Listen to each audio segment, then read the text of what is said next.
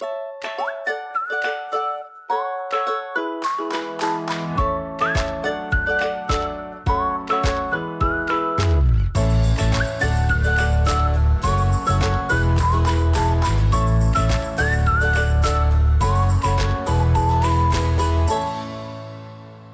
allemaal en welkom bij een nieuwe aflevering van de Wat ik wou dat ik wist podcast. In deze podcast deel ik wat ik wel eerder had willen weten en vertel ik verhalen waar jij je als twintiger hopelijk in herkent. Deze week gaat de aflevering over straatintimidatie. Misschien heb je er afgelopen weken wel veel over gehoord. Ik in ieder geval wel. En dat heeft me best wel aan het denken gezet over dit onderwerp. En die gedachten wil ik heel graag met jullie delen. Ik heb ook wat um, input van luisteraars gevraagd via mijn Instagram. En daar kwamen ook hele bijzondere verhalen op binnen. Dus ook die ga ik vandaag met jullie delen. En ik denk dat het echt een hele mooie uh, aflevering gaat worden. Die ja, wat meer openheid over dit onderwerp creëert. Eerst zal ik nog even mijn week met jullie doornemen. Uh, in de vorm van een hoogtepunt en een dieptepunt. Nou, een hoogtepunt voor mij afgelopen week was toch wel dat ik een hele leuke nieuwe klus heb binnengehengeld. Ik um, ben uh, social media freelancer, dus ik uh, doe social media beheer en ik zet strategieën op voor ondernemers, grotere bedrijven, nou, van alles. En nu heb ik een leuke nieuwe klus voor een ijsmerk. En dat ijsmerk, dat heeft mij dus ook de ijsmaken opgestuurd, zodat ik daar zo content van kan schieten voor op hun kanalen. En um, ik heb eigenlijk nog nooit zo'n soort klant gehad. En toen dat allemaal binnenkwam, toen dacht ik, nou, dit is eigenlijk best wel chill. het is ook nog eens super mooi weer deze week. Dus um, uh, eigenlijk een beetje een mooie bonus van, uh, van het werk wat ik doe.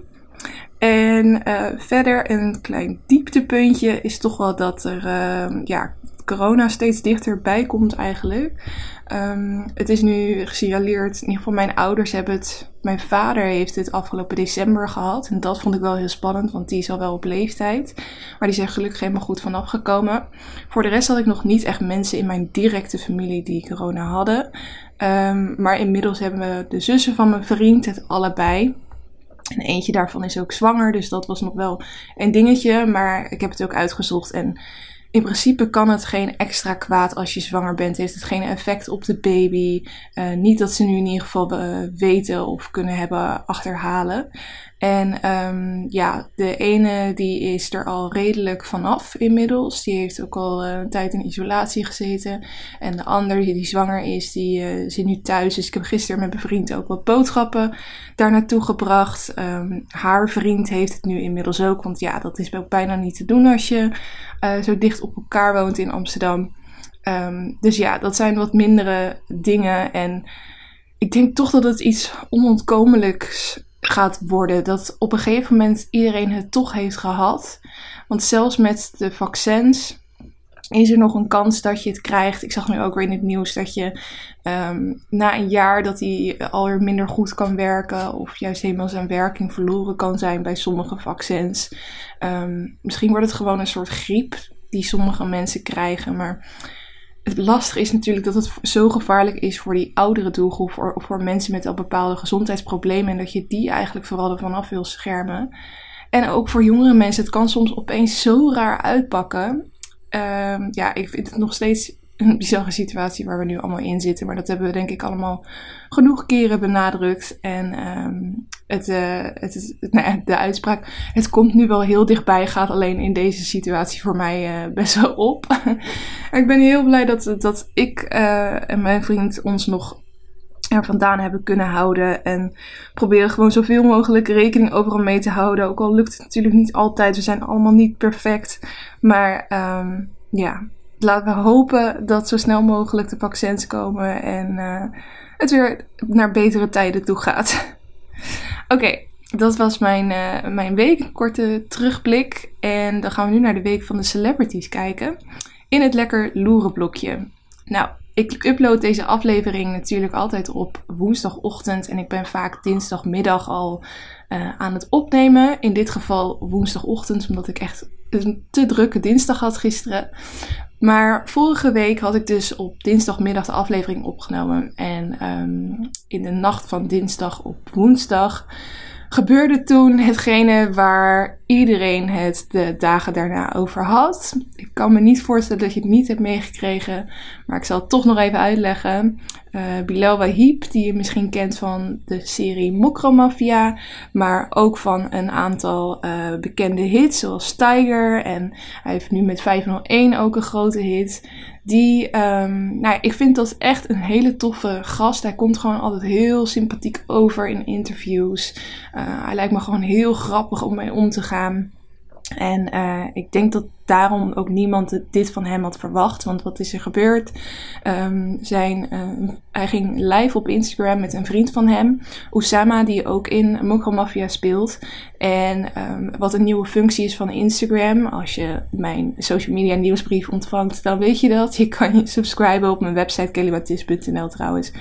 Um, dan, uh, er is een nieuwe functie op Instagram dat als je live gaat, je nu meerdere mensen te gast kan laten in videovorm in jouw livestream. Dus eerst kon je alleen met uh, één iemand anders live gaan, maar nu kan je ook met drie of vier.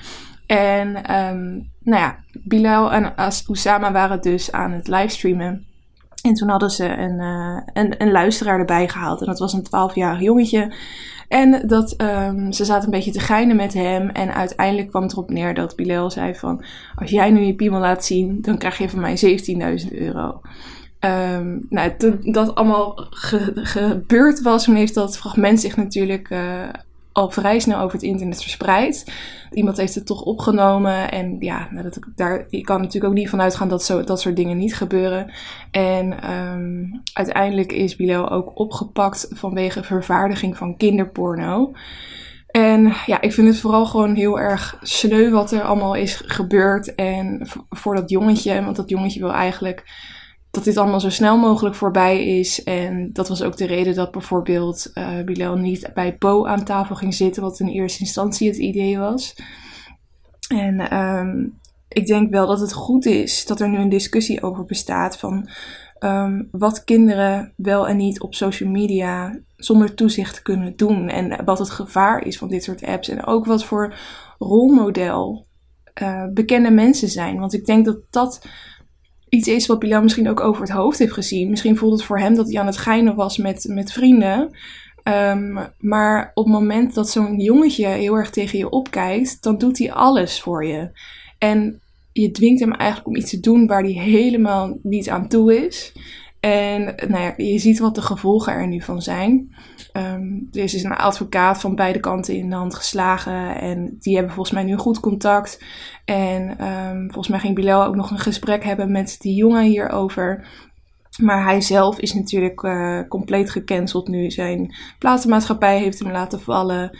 Um, hij had nog een, uh, een aflevering van Art Rojax over de vloer die gecanceld werd. Hij had een programma bij Zep, volgens mij, wat gecanceld is. Nou ja, er is gewoon heel veel uh, wat hij nu niet meer kan doen. Eigenlijk niks meer. Zijn nummers worden ook geboycott op de radio. En ik ben wel heel erg benieuwd wat dit effect op de lange termijn gaat zijn. Ik had het ook met vriendinnen daarover. Um, want je ziet natuurlijk in Amerika ook wel eens dat een, een, een artiest compleet gecanceld wordt, om dat woord dan maar eventjes te gebruiken. Maar dat een aantal maanden later diegene een nieuw album uitbrengt en dat mensen er toch mega fan van zijn en het weer gaan luisteren en doen alsof ze alles vergeten zijn. Um, en ik vraag me af in hoeverre dat in dit geval zo is. Want hij heeft het denk ik mee dat hij tot nu toe altijd als een hele sympathieke gast um, bekend stond. En um, dat hij direct eigenlijk op het moment dat dit gebeurde spijt had van wat hij had gedaan. Dat zou hem eventueel nog kunnen redden. Maar iedereen is nu zo ontzettend boos op deze gast terecht. Dat, dat daar waarschijnlijk ook nog wel een hele tijd overheen kan gaan. Dus ik ben benieuwd.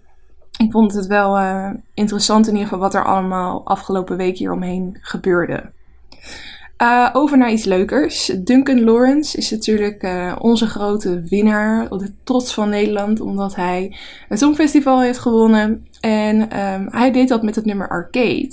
Nou, voor ons is dat inmiddels alweer een tijdje geleden. Ook dat het nummer heel hoog in de hitlijsten stond. Maar het nummer heeft een soort uh, revival uh, periode nu. Omdat het heel veel op TikTok wordt gebruikt. Mensen zijn dat nummer aan het playbacken, aan het zingen, aan het dansen. Uh, van alles ermee aan het doen. En dat zie je natuurlijk wel vaker op TikTok. Dat het nummer opeens een enorme opleving door dat soort video's kan hebben. En um, daardoor is hij in Amerika nu ook opeens heel erg bekend. Dus hij was vorige week bij de Today Show te gast. En uh, volgende week mag hij gaan optreden bij Ellen DeGeneres. En dat vind ik toch wel heel uh, vet, omdat het een soort Nederlandse trots is dan toch. En um, hij dus ook carrière in buitenland opbouwen is. Ik had eigenlijk het idee dat op het moment dat hij hier op nummer 1 stond, dat dat wereldwijd het geval was. Omdat hij de nummer 1 was van het uh, Songfestival. Maar ja, dat is eigenlijk toch nog best wel een um, Europees dingetje. En dan de andere landen die er ook allemaal aan meedoen natuurlijk. Maar Amerika is niet zo heel erg betrokken bij het Eurovisie Songfestival. Wat ook wel grappig is, is om eens te kijken naar uh, video's op YouTube van Amerikanen die dan dus het Songfestival gaan kijken. Want die weten niet wat ze meemaken. Die hebben nog nooit eerder zoiets gezien. En ik moet daar altijd heel hard om lachen. Uh, ja, en nu uh, is Duncan Lawrence dus lekker aan het groeien in het buitenland. Dus ik ben benieuwd wat daar allemaal uit gaat komen en hoe die het gaat doen bij Ellen DeGeneres. Volgende nieuwtje gaat over Monica Geuze. Um, Monica Geuze heeft natuurlijk een klein kindje van haar ex Lars. En uh, met hem is destijds ook in Vinkenveen gaan wonen. Uh, vind ik nog steeds bizar trouwens. Ik rijd daar wel eens langs met de auto. En dan denk ik ook, ja, ik, ik, vind het gewoon niet bij haar passen als persoon. Maar dat was dus vanwege haar vriend. Inmiddels heeft ze een, nieuwe vriend, Robert. En die. Um, uh, nou, het gaat heel goed tussen hun. En nu hebben ze dus op Instagram bekendgemaakt dat ze samen een huis hebben gekocht. Waarschijnlijk in Amsterdam, want daar woonde Robert eerst ook. En ik neem aan dat zij ook, daar ook wel weer naar terug willen. En uh, nou, dat vind ik wel heel leuk. Sowieso gaat het volgens mij wel heel goed met haar. Ze heeft een succesvolle podcast. Ze presenteert Temptation Island. Ze is al lang niet alleen maar de, de YouTube-vlogger. Al doet ze dat nog steeds ook wel. Wat ik ook uh, knap vind dat je dat nog steeds heel goed kan, uh, kan volhouden. Ik ben nooit een enorme um, vlogkijker van haar geweest hoor. Ik weet wel dat bijna heel, in ieder geval heel veel van mijn vriendinnen, als ze dan van iemand een vlog keken, dan was het voor Monica Geuze. Maar ik, uh, ja, ik weet niet, ik, ik, ik, voel me niet heel erg tot die video's aangetrokken. Maar soms dan kijk ik af en toe, als een leuke titel heeft en ik daar dan nieuwsgierig ben, dan kijk ik er eventjes uh, eentje. Um, maar ik vond het wel heel leuk uh, voor haar om te zien. En ik zag ook al artikelen dat ze met kinderen bezig zijn. Maar goed, laten we niet op de zaken vooruit lopen. En tot slot, het laatste lekker loeren nieuwtje gaat over Zondag met Lubach. Want afgelopen zondag was de allerlaatste aflevering. Ik ben groot fan van dat programma en vind het echt heel stom dat het nu is, uh, is gestopt. Je zag ook in die aflevering allemaal um, terugblikken naar belangrijke momenten voor Zondag met Lubach van de afgelopen jaren. En toen werd ik ook weer aan herinnerd, weet je nog bijvoorbeeld dat ze die video hadden gemaakt van um, America First, Netherlands Second. Of andersom, Netherlands First. volgens mij was het America First, Netherlands Second. En dat is dus een geniale video gemaakt uh, als soort van spoof op de video van Trump. En die ging toen wereldwijd viral. En nou, ze hebben nog meer van dat soort stunts uitgehaald. Uh, allerlei verschillende apps gemaakt. Um, uh, t-shirts uitgebracht. Omdat er dan weer Rumach was die ook t-shirts voor het Rode Kruis had gemaakt. Nou, er zijn zoveel grappige dingen die zij hebben gedaan. En ik vond het vooral heel erg vet hoe dat programma um, dingen die jij zelf eigenlijk niet meer per se opmerkte. Of uh, voor lief nam. Of gewoon als voor normaal uh, aanzag dat zij dat dan op de hak namen. Dat je dacht, oh ja, dat is eigenlijk best wel raar. en ik vind het altijd wel tof als ik op zo'n manier aan het denken word gezet.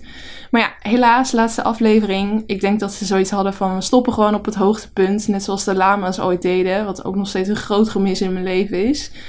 En uh, ja, er zou eigenlijk nog een theatertour zijn, maar die ging natuurlijk afgelopen jaar niet door. Dus dit seizoen zou er eigenlijk ook niet eens geweest zijn. Ik wilde eigenlijk vorig seizoen als, stoppen. Uh, en toch hebben ze deze nog gemaakt. Dus uh, nou ja, die hebben we dan nog wel. Ook wel tof, um, omdat er natuurlijk heel veel in zat over de verkiezingen. Maar hier blijft het dus helaas bij. Wie weet, ben benieuwd wat Arjen Lubach nu gaat doen. En um, wie weet komt er wel weer een nieuw programma uit. You never know. Oké, dan gaan we nu door naar het Lekker Leven blokje waarin ik allerlei verschillende tips geef om jouw leven leuker te maken. En ik heb twee kijktips die ik zelf nog niet gezien heb, maar waar ik de hele tijd zoveel mensen over hoor praten. Uh, en dat, ik, dat er zelfs appjes naar mij gestuurd worden van je moet dit echt tippen. dat ik het maar gewoon maar alvast ga doen, want ik vertrouw die mensen ook wel. Um, de eerste is uh, Wie is de Mol België? Dat speelt al heel, dat is al heel lang in België, net zoals in Nederland wij ook al heel veel seizoenen hebben, hebben ze dat in België ook. Um, maar waarom zou je dan de Vlaamse versie moeten kijken? Nou, daar zo zijn de proeven blijkbaar nog intenser. Uh, ze gaan veel verder dan dat ze in Nederland gaan.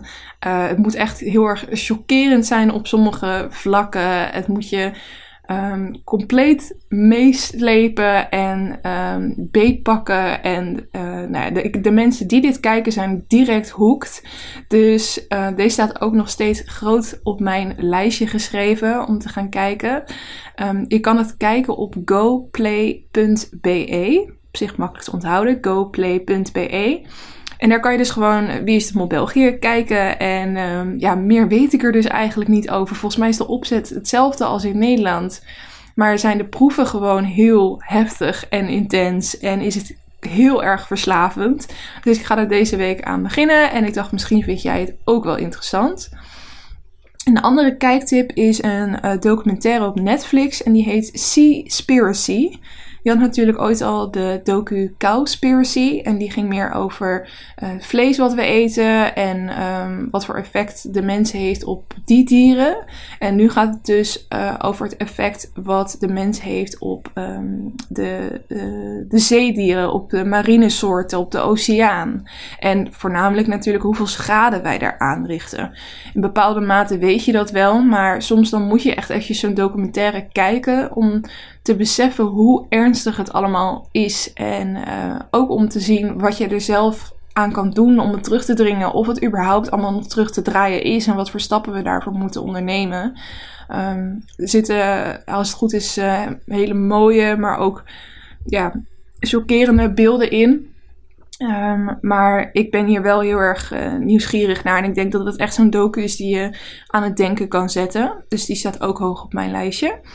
Um, en tot slot wil ik nog een leestip geven, namelijk het nieuwe boekenclub van Boekenclub Boek van de maand april. Het is natuurlijk de laatste dag van de maand vandaag. En um, ik zal nog in een andere aflevering terugblikken op het boek van uh, afgelopen maand, want die was wel heel interessant. Um, maar ik ga in ieder geval vast een tip geven als jij mee wil lezen in april voor het volgende boek. En dat is namelijk Het Onzichtbare Leven van Eddie LaRue. En die stond al een tijdje op mijn lijstje, maar die was eerst alleen in het Engels beschikbaar. En ik weet dat er een hoop mensen graag in het Nederlands lezen. En nu is hij dus ook in het Nederlands uit. Um, ik zal even voorlezen waar het over gaat. Uh, een schitterend genre-overstijgend verhaal voor de fans van Sarah J. Maas en Ver Ver Veronica Roth, maar ook van Audrey Niffenegger en Diana Gabaldon. Nou, ik ken daarvan eigenlijk alleen Veronica Roth, volgens mij. Um, in ieder geval, uh, Frankrijk 1714. Als Adeline LaRue wordt uitgehuwelijkt, smeekt ze om meer tijd en een leven in vrijheid. Haar wens gaat in vervulling, maar tegen een vreselijke prijs. Eddie zal eeuwig leven en is gedoemd te worden vergeten door iedereen die ze ontmoet.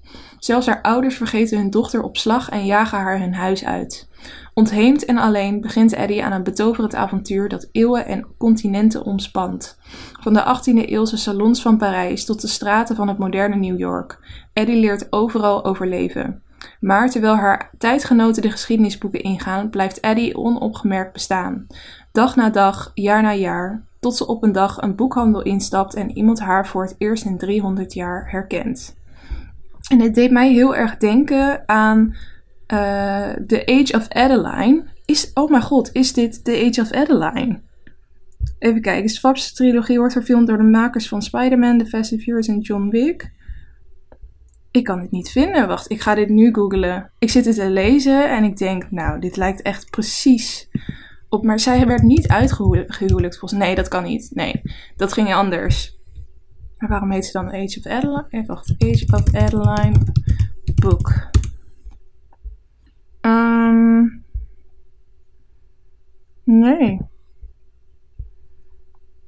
Even kijken.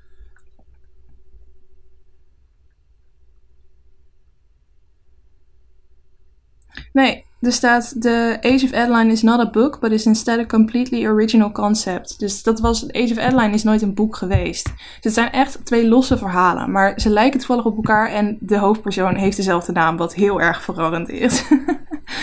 maar goed, wat ik heel vet vind aan dit boek is dat het dus um, verschillende uh, plekken, die ik heel vet vind, zoals Parijs en New York, laat zien in verschillende tijden. En um, je als hoofdpersoon dus eigenlijk ja, wordt meegenomen in hoe die tijden er in die steden uitzagen. Ik, ik heb altijd fascinatie voor dat soort boeken gehad. En volgens mij zit er ook gewoon een heel sterk verhaal in. Ik heb heel veel mensen ook over dit boek gehoord.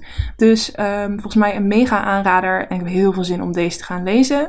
Als je meeleest, ik zal weer even in het Discord kanaal een, um, een kanaal hier voor aanmaken. Zodat we het over het boek kunnen hebben.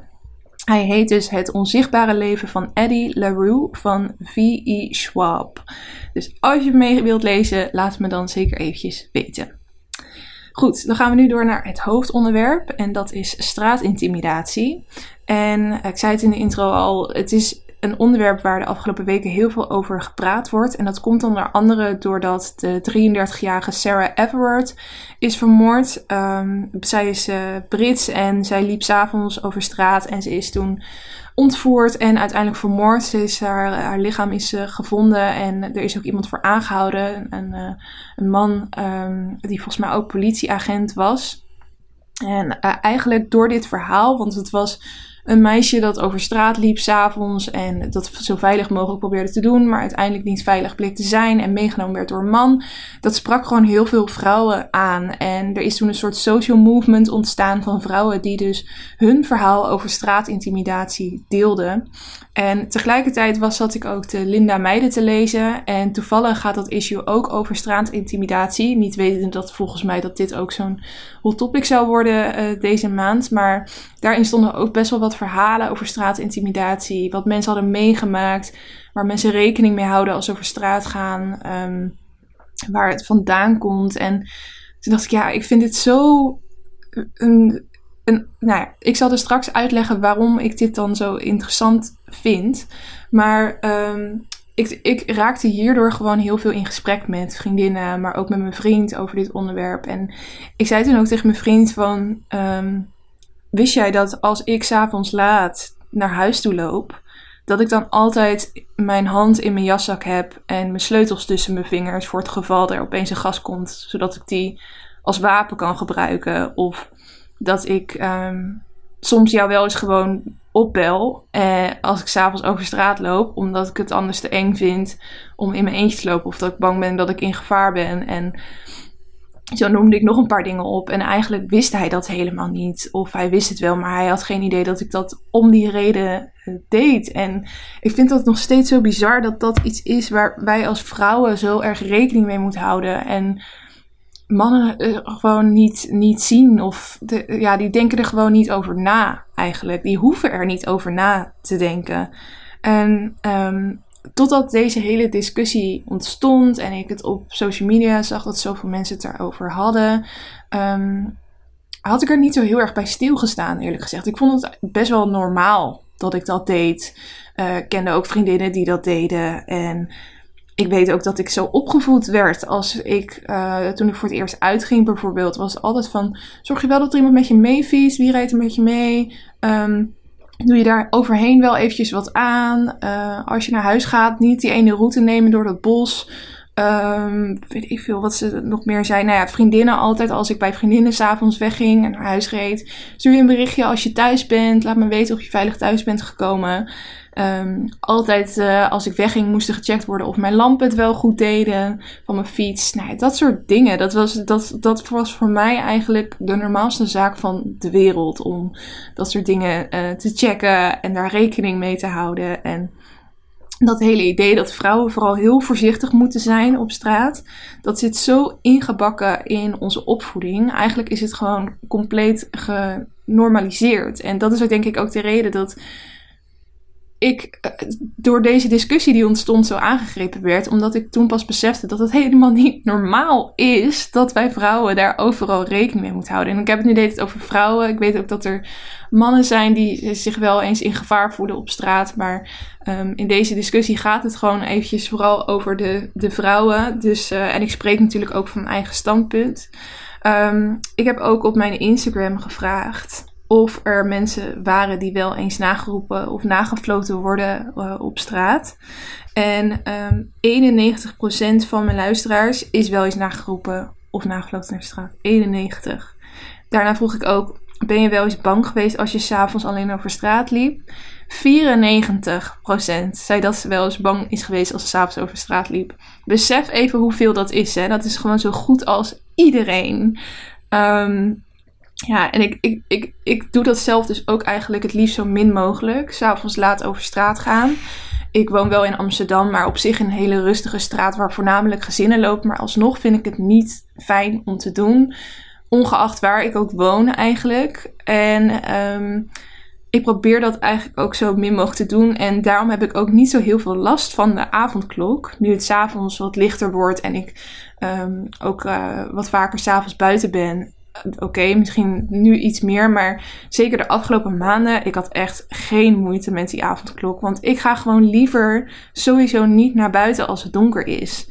Ik voel me dan niet fijn, ik voel me niet veilig. Het liefst loop ik namelijk gewoon altijd op straat met uh, oortjes in, dat ik een podcast aan het luisteren ben of een boek aan het luisteren ben of muziek. Ik ga dat gewoon niet doen als ik s'avonds laat over straat loop, want ik voel me dan niet veilig. Ik wil me bewust zijn van wat er om me heen gebeurt. Um, dus als ik s'avonds wel in het donker buiten loop, dan kijk ik eigenlijk tien keer om me heen of iemand niet te dicht achter me loopt of dat diegene me aan het volgen is. Um, ik heb dus altijd mijn hand op mijn sleutels, dus mijn vingers uh, om mijn sleutels heen gevouwen. Um, als ik toch merk dat er iemand te dicht op mij loopt, dan wissel ik van stoep of dan neem ik een andere weg dan die ik in eerste instantie in gedachten had. Um, als ik merk dat ik bijna thuis ben en dat iemand dus vlak bij mij loopt, dan ga ik niet mijn huis in, omdat ik dan denk, dan weet diegene waar ik woon. En ik probeer dus ook altijd iemand te bellen, of dat nou mijn vriend is of een uh, vriendin, of in ieder geval te doen alsof ik aan het bellen ben. Dan doe ik het maar nep. En um, ik vind het gewoon bizar dat een man dus gewoon, ja, zonder erbij na te denken, om half tien naar buiten kan gaan in een korte broek en lekker nog een rondje kan gaan hardlopen. Ja, ik, ik vind dat gewoon bizar. Dat, dat, dat zou dus nooit in mij opkomen. Ik heb ook aan jullie gevraagd wat jullie allemaal doen om je veiliger te voelen op straat. Um, ik pak het even bij. En wat heel veel mensen zeggen is bellen of uh, uh, nep bellen. Um, dus daar ben ik zeker niet de enige in. Er zijn mensen die op hun telefoon al 112 intikken voor het geval dat. Um, sommige mensen delen hun locatie, wat ook wel een hele goede is. Uh, mensen proberen zoveel mogelijk langs grote wegen te lopen, of waar veel andere mensen ook zijn. Um, kijk wat ik nog meer zie. Ja, heel, heel veel zeggen ook dat ik ga gewoon extra hard fietsen of extra hard lopen, zodat mensen niet bij me kunnen. Snel doorlopen, uh, iemand bellen, direct laten weten waar ik ben. Um, mijn beste vriendin belt standaard met mij terwijl ze naar huis wandelt. Uh, sommige mensen die hebben ook expres kickboxlessen genomen of iets in die trant. En iets wat veel mensen ook doen is um, zich aankleden als een jongen. Dus dat ze expres hun capuchon bijvoorbeeld over hun haar heen trekken. Zodat je niet ziet dat je een meisje bent. Of een lange jas als je een rokje aan hebt. Of gewoon ervoor zorgen dat je op die manier niet opvalt. Want hè, dat kan weer een uitnodiging zijn. Ik vind het zo bullshit. Je merkt waarschijnlijk mijn frustratie terwijl ik dit over, over dit onderwerp praat. Um, zelf heb ik gelukkig niet echt vervelende dingen meegemaakt. Um, wat misschien ook weer raar is om te zeggen, want het zijn alsnog hele vervelende dingen. Maar ik ken natuurlijk ook situaties van mensen die echt seksueel aangerand zijn of verkracht zijn. Dat is, thank god, afkloppen, mij nog nooit gebeurd. Maar um, er zijn natuurlijk altijd van die dingen. Nou, je ziet het al aan de cijfers. Meer dan 90% van de vrouwen maakt dit mee. Um, het is wel heel vaak gebeurd als ik over straat liep, dat er dan werd gezegd: hey, pst, meisje. En als ik dan niet reageerde, dat ze dan met me mee gingen lopen, naast me lopen. En dan vond ik het ook weer lastig van: moet ik dan juist nu heel aardig gaan zijn? En Uh, omdat je ze ook niet boos wil maken, want je weet maar nooit wat ze doen. Maar aan de andere kant ben je zo boos dat ze je zo aan het lastigvallen zijn. Dus dat is ook weer zo'n lastige balans om erin te houden. En um, mijn tactiek was eigenlijk toch wel vaak gewoon niet reageren, omdat ik dacht misschien geilen ze ook wel op de aandacht die ze dan krijgen. Want dat is waar ze eigenlijk naar op zoek zijn. Dus dan probeerde ik het gewoon compleet te negeren. Maar dan kreeg je vaak naar je hoofd dat je een trut of een bitch was of wat dan ook. Nou, dan voelde je je ook weer de hele dag kut. Um, ja, wat nog meer heb gehad. Ik heb wel eens in het OV in Amsterdam gehad dat iemand me gewoon de hele rit in de metro zat aan te staren. Gewoon schaamteloos. En dan keek ik wel eens terug heel boos. En dan bleef hij gewoon zo staren. Dus ik dacht, oké. En dan stapte ik uit uit de metro en dan zag ik dat hij precies op datzelfde punt uitstapte. Nou ja, dan moet je heel hard gaan lopen en verschillende straten nemen. En um, wat ik dan altijd probeerde was om te kijken waar heel veel mensen waren. Um, het liefst wil je dan een grote vriendengroep hebben, zodat je daar vlak achter gaat lopen. Nou dan kan diegene gewoon letterlijk niks doen, want dan heb je allemaal uh, omstanders. Dus probeerde ze zo af te schudden. Ik heb ook wel eens bij een festival gehad dat je in de rij stond voor de bar. En um, dat je dan, dan, het is zo druk natuurlijk altijd. En dan, op, dus zeker bij die bar, daar ging gewoon ontzettend veel fout. Dus iedereen was boos en iedereen was aan het drukken. En ik zat er precies middenin. Dus nee, volgens mij zat ik wel bijna bij de bar, maar ik zat midden in die kluit met mensen. Dus ik hield al wel goed mijn handen op mijn tas en zo, dat niemand iets van me kon stelen. Maar er was dus een jongen achter mij en die ging expres heel hard drukken. En ik dacht, wat is hij nou aan het doen? Hij weet toch dat ik eerst aan het beurt ben? Um, maar toen merkte ik dat hij zijn uh, geslachtsdeel tegen me aan zat te duwen. Super fijn, heel leuk.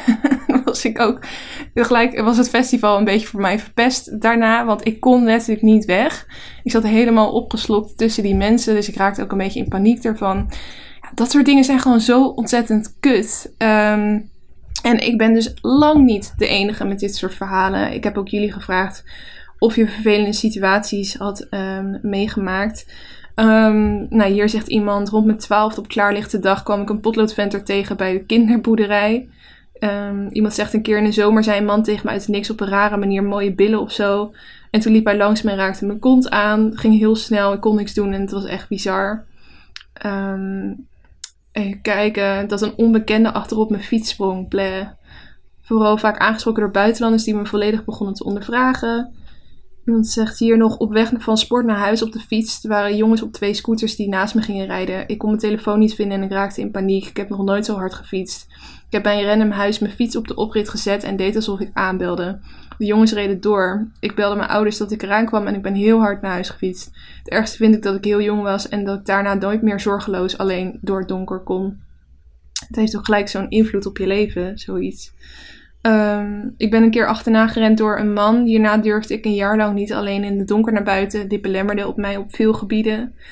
Um, even kijken, dat een auto naar jou als voetganger gaat toeteren. Wat een hard geluid. Ik schrik me rot steeds. Nou, dat is misschien wel de meest voorkomende inderdaad.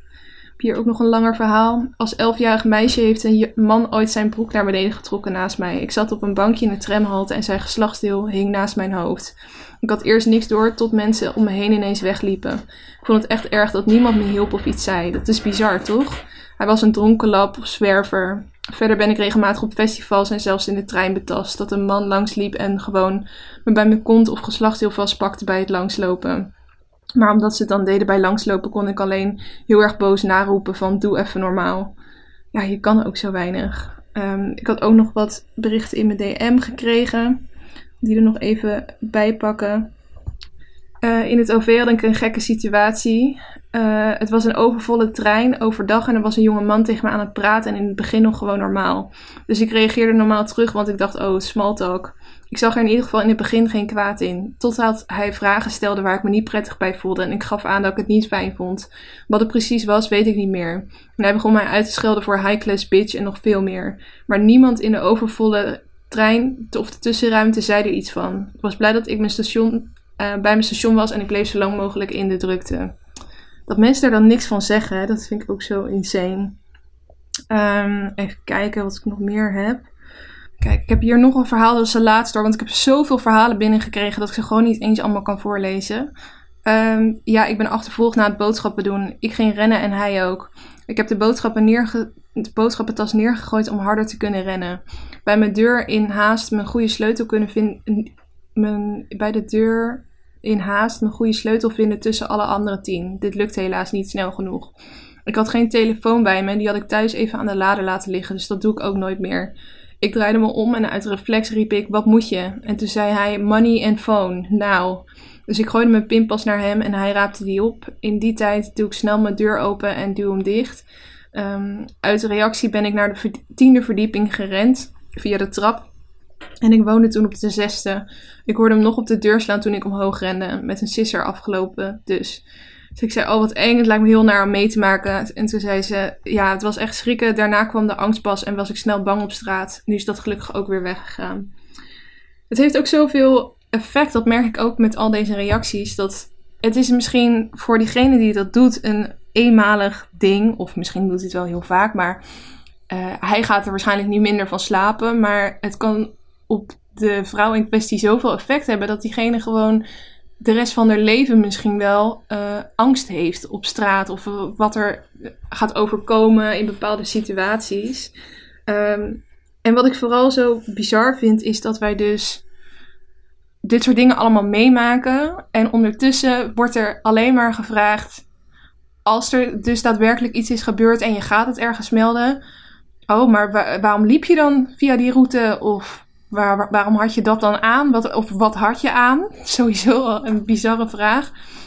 Met dus het idee dat jij het misschien wel op jezelf afgeroepen hebt. En gelukkig ontstaat hier over steeds meer discussie. Maar er zijn nog steeds mensen die zo denken. Ik zag ook een, um, een fotorapportage. En, en dat waren allemaal kledingstukken die in een soort museumruimte waren opgehangen. Van uh, vrouwen die dus aangerand of verkracht waren. En dat waren al de outfits die zij aan hadden. Die kledingstukken hingen daar. Um, om aan te tonen, het gaat er niet om wat je aan hebt. Want de een die had een volledig joggingpak aan. De ander had een kort rokje aan. Maar er hingen ook kleding bij. Er hing zelfs babykleding bij. Weet je, het is, het, het, het is onzin om dat af te gaan schuiven op wat had je aan. Um, want wat je ook aantrekt, dat zou niet een reden moeten zijn voor een man om wel of niet jou lastig te gaan vallen, op wat voor manier dan ook. En um, door de hele tijd vrouwen te uh, ervan. Ja, natuurlijk, het is goed dat ook mijn moeder mij zo opgevoed heeft, want het is nou eenmaal de wereld waarin we leven. Dat je inderdaad voorzichtig moet zijn met de routes die neemt, et cetera. Die mannen die zijn er, maar op het moment dat we zo de nadruk leggen bij de vrouwen en wat vrouwen ervoor kunnen doen om het te voorkomen, dat is eigenlijk de verkeerde manier van het probleem aanpakken. Want uh, ja, ik zie het toch een beetje als een soort kraan die je aanzet en dat je dan maar het water wat op de grond komt gaat opvegen in plaats van dat je die kraan dichtdraait. Wij zijn het, wat er, is, wat er allemaal is gebeurd, is het effect ervan. Maar uiteindelijk begint het bij die mannen. En die mannen die moeten hierover opgevoed worden, over uh, aangepakt worden. Um, waarom zijn we constant vrouwen voor gevaar aan het waarschuwen? Pakken we die mannen niet aan die aan straatintimidatie doen?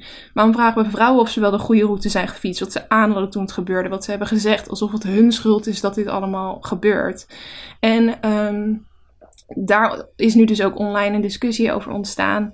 En er zeggen ook sommige mannen, ja, maar dat doen niet alle mannen om soort van zichzelf te beschermen. Uh, om aan te tonen van ja, maar ik ben niet zo. In ieder geval, dat is denk ik dan dat ze ermee bedoelen.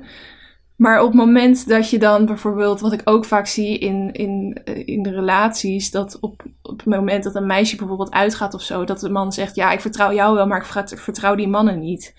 Dat je denkt: Ja, oké, dan, dan heb je dus ook wel door wat er gebeurt bij mannen. Um, en ik denk dat het goed is dat, dat, dat daarover meer gesprek ontstaat. En um, dat is ook waarom ik vroeg van waarom denk je, denken jullie eigenlijk op Instagram dat straatintimidatie in 2021 nog steeds bestaat? Dat het nog steeds een ding is? En ik wil eventjes een reactie voorlezen. Iemand die dat zei, um, even kijken. Iemand zegt, uh, ik denk dat überhaupt niet gebeurt en dat mannen zich snel, zo snel aangevallen voelen als we dit aan het licht brengen. Daarom denk ik dat dit gewoon vanaf jongs af aan al aangepakt moet worden. Dus niet als een jongen je plaag betekent dat hij je leuk vindt. Of uh, kinderen alsnog forceren om een kus of knuffel aan familieleden te geven als ze dat niet willen. Nee is nee en dat moet vanaf jongs af aan gerespecteerd worden. Ehm, dat vond ik ook wel een goede, dat het eigenlijk aan het begin van de opvoeding al uh, plaatsvindt. Bijvoorbeeld inderdaad door die zin van ah, meisjes plagen, zoentjes vragen. Dus op het moment dat een jongen jou irriteert, dan betekent dat dus eigenlijk dat hij je leuk vindt. En dat is echt heel raar eigenlijk dat we kinderen zo opvoeden. En ik geloof best dat dat er iets mee te maken heeft. Even kijken wat andere mensen hier nog over hadden gezegd. Ehm, ja, voor mannen, dus mannen die op straat vrouwen intimideren, uh, zegt hier iemand, voor mannen onder elkaar is dit iets waar ze stoer over kunnen praten, een soort trots. Um, het zit in het mannelijk instinct, seksuele spanning en opwinding, zegt iemand. Um, mannen zijn zich niet bewust van onschuldige, tussen aanhalingstekens, opmerkingen. Iemand stuurde ook, ja, ik heb het er wel eens met een vriend over gehad. En die, die dacht oprecht dat vrouwen dit heel erg leuk vonden, omdat het een vorm van aandacht is. Dan denk ik toch, nou, dan kijk je niet helemaal goed naar wat je dan doet bij die persoon. Want ik geloof echt niet, als ik deze reacties allemaal zie, dat de vrouwen die jij op die manier benadert, te staan te springen om jouw aandacht. Um, Iemand zegt ook, ja, ik ben gewoon heel erg benieuwd naar dit antwoord, want ik zou het echt niet weten. En dat is ook dus de reden dat ik deze vraag stelde. Dat ik gewoon niet kan begrijpen dat je als man, nou, wat het mannen oplevert, zeg maar, dat ze dit doen. Ehm, sommige mannen denken dat ze van alles kunnen maken omdat zij de sterkere zijn. Ja, dat, dat, daar ligt denk ik ook het heel erg probleem. Dat, dat de manier van macht gewoon compleet verkeerd verdeeld is. En dat dat ook de reden is dat vrouwen zich zo vaak onveilig voelen. Ja, er wordt te weinig aandacht aan besteed, ook richting ouders. Hoe voed je je zoon op? Ehm, omdat ze denken dat de ontvanger het als een compliment ziet. Omdat mensen elkaar niet durven te corrigeren of mensen slecht worden opgevoed. En dat vind ik ook wel een goede. Dat eigenlijk in heel veel van deze verhalen zie je ook terug dat ehm, er soms wel hele vervelende dingen gebeuren, maar dat er gewoon bijstanders zijn en dat die dus niks doen. Zoals die treinsituaties waar ik het eerder over had. Waarom zegt niemand: hey gast, doe eens normaal? Dat meisje zit daar niet op te wachten. En ik denk ook dat het belangrijk is dat we dat vaker gaan doen. Ik zie op TikTok ook wel eens een video voorbij komen van een jongen die um, zichzelf dan stiekem aan het filmen is. Die zegt: Ja, er is hier een meisje in de supermarkt en een man is haar aan het lastigvallen. En um, dat hij dan uh, gaat spelen alsof hij haar vriend is. Dus dan loopt hij op haar af en zegt: Hey schat, hoe is het? Heb je het gevonden? Of zo. En dat zij dan ook helemaal mee gaat spelen, omdat ze uit die gevaarlijke situatie wil komen. En ik, op dat vind ik wel heel goed dat dat soort dingen gebeuren. Dat we ons bewust worden van wat er in je omgeving gebeurt. En hoe je eventueel mensen uit vervelende situaties kan redden. Of dat die mannen er gewoon op aangesproken worden van... joh, gast, wat ben je aan het doen? Want zij, je ziet toch dat zij er helemaal niet op zitten wachten. En ook dat als uh, we kinderen gaan opvoeden... zeker als ik, ooit een jongen krijg... dan ga ik niet... Ja, dan, dan wil ik ook dat, dat ik dit soort dingen ga vertellen. Dat ik eh, laat zien van het is niet stoer of cool om op deze manier met vrouwen om te gaan... Um, dat het niet leuk is om meisjes te plagen, zoontjes vragen, dat hele idee. Dat, daar moeten we gewoon in ieder geval vanaf. Maar ook als ze tieners worden, dat we niet. Dat, dat dat in balans wordt gehouden. Niet dat het meisje om een bepaalde tijd moet thuiskomen en uh, opgehaald moet worden ergens. En dat de jongen gewoon maar mag gaan en staan waar hij wil. Ik hoop in ieder geval dat het ook niet meer nodig is dat je dat soort voorzorgsmaatregelen voor vrouwen moet nemen. Maar daarvoor moeten echt nog wel veel dingen gaan veranderen, denk ik. Um, ik wilde ook nog wat initiatieven noemen, want er zijn dus ook meldpunten voor straatintimidatie. In Breda, als je in Breda woont, dan heb je een website uh, die heet intimideermijniet.nl. En daar zo kan je dus melding doen als je ergens uh, ja, op straat geïntimideerd bent. En dat is voornamelijk om inzicht te krijgen waar, uh, hoe en op, in wat voor mate dit allemaal plaatsvindt. Um, maar je hebt het ook voor andere steden, Rotterdam, Almere en Arnhem hoorde ik dat uh, daar ook meldpunten zijn. Dus zoek het ook eens op of uh, in de stad waar jij woont daar een meldpunt voor is. Het is een kleine stap die we misschien kunnen uh, ondernemen. En ja, laten we elkaar gewoon ook helpen in dit soort situaties. Als je het ooit in je omgeving ziet gebeuren, uh, maar ook het gesprek erover aangaan met mannen uit je eigen omgeving. Waarom ze bepaalde dingen doen. Dat het niet oké is dat ze dat soort dingen doen. Um, ja, ik vind het. Uh, ik hoop heel erg dat we dit soort onderwerpen binnenkort niet meer hoeven te bespreken. Uh, maar wel heel goed dat er in ieder geval nu een discussie over ontstaat. Uh, en ook onder mannen, dat mannen het er met elkaar over gaan hebben, zodat daar hopelijk ook verandering plaatsvindt. Oké, dat was het voor het hoofdonderwerp. Dan wil ik tot slot nog eventjes naar de uh, challenge toe gaan. Dus challenge in maart was om elke dag um, een nieuw iemand te benaderen. Of dat nou was op social media of in het echt iemand aan te spreken. En um, de afgelopen dagen heb ik dat vooral dat laatste gedaan. Dus ik, ik wandel best wel veel buiten. En als er dan iemand langs liep met een leuke hond, dan, uh, dan zei ik dat ik dat een leuke hond vond. Ja, het zijn maar hele kleine dingen, maar diegene kreeg er dan echt een glimlach van op het gezicht en ik ook. Um, of als je iemand ziet en een complimentje geeft, of in de supermarkt helpt, van, eh, als je ziet dat ze ergens niet bij kunnen. Weet je, misschien valt het niet direct onder een nieuw iemand benaderen, als in ik ga niet hele gesprekken met ze aan, maar gewoon dit soort kleine dingen vond ik zelf in ieder geval al heel fijn omdat je wat meer menselijk sociaal contact had. En um, ik ben ook iemand die heel graag met uh, oortjes inloopt en me afschermt van de wereld. En soms ook even helemaal geen zin heb om met mensen te praten. Maar door deze challenge werd ik wel uitgedaagd om dat meer te doen. En merkte ik eigenlijk dat het alleen maar hele leuke situaties opleverde. En hele leuke gesprekken ook. Ja, ook bijvoorbeeld uh, wat ik een aantal afleveringen geleden vertelde over dat, dat meisje dat ik dan graag op uh, Instagram volg. Die ik had gestuurd van joh, ik kijk eigenlijk stiekem al heel lang jouw stories. En ik vind het echt heel tof wat jij allemaal plaatst. Weet je, dat soort dingen. Gewoon kleine complimentjes die iemand anders leven leuker maken. En die van mij ook weer. Uh, daarnaast heb ik ook wel uh, leuke opdrachten voor mijn business eruit kunnen slepen. Omdat ik toch gewoon de ballen had om bepaalde mensen te benaderen. Voor een samenwerking bijvoorbeeld. Um, dus ik heb best wel veel plezier gehad in deze challenge. En uh, andere mensen die hier mee hebben gedaan, volgens mij ook. Dus ik zou het zeker aanraden aan andere mensen om ook eens te gaan doen. Ik weet niet of je het volhoudt om het elke dag uh, te doen, want dat is wel echt een commitment. Uh, 31 dagen achter elkaar. Ik denk ook niet dat ik echt 31 mensen heb benaderd, maar alleen al. Um, het idee in je hoofd hebben, dat zorgt er al wel voor dat je veel meer leuke gesprekken hebt dan dat je in eerste instantie zou hebben. Dus ik vind het echt wel een, eh, een aanrader. Um, ik heb uiteraard ook weer een nieuwe challenge voor de maand april. En dat is dat ik elke dag een nieuw iets wil gaan eten of drinken dat ik nog nooit eerder op heb. En ik wil daarvoor binnenkort eventjes een bestelling bij de supermarkt plaatsen. Dus als jij iets hebt waarvan je denkt, dit heeft Kelly waarschijnlijk nog nooit gegeten of gedronken. En je kan het ergens kopen. Uh, laat me dat dan eventjes weten in een DM via Instagram. En dan ga ik het zeker uitproberen. Want ik hou er heel erg van om nieuwe dingen uit te proberen.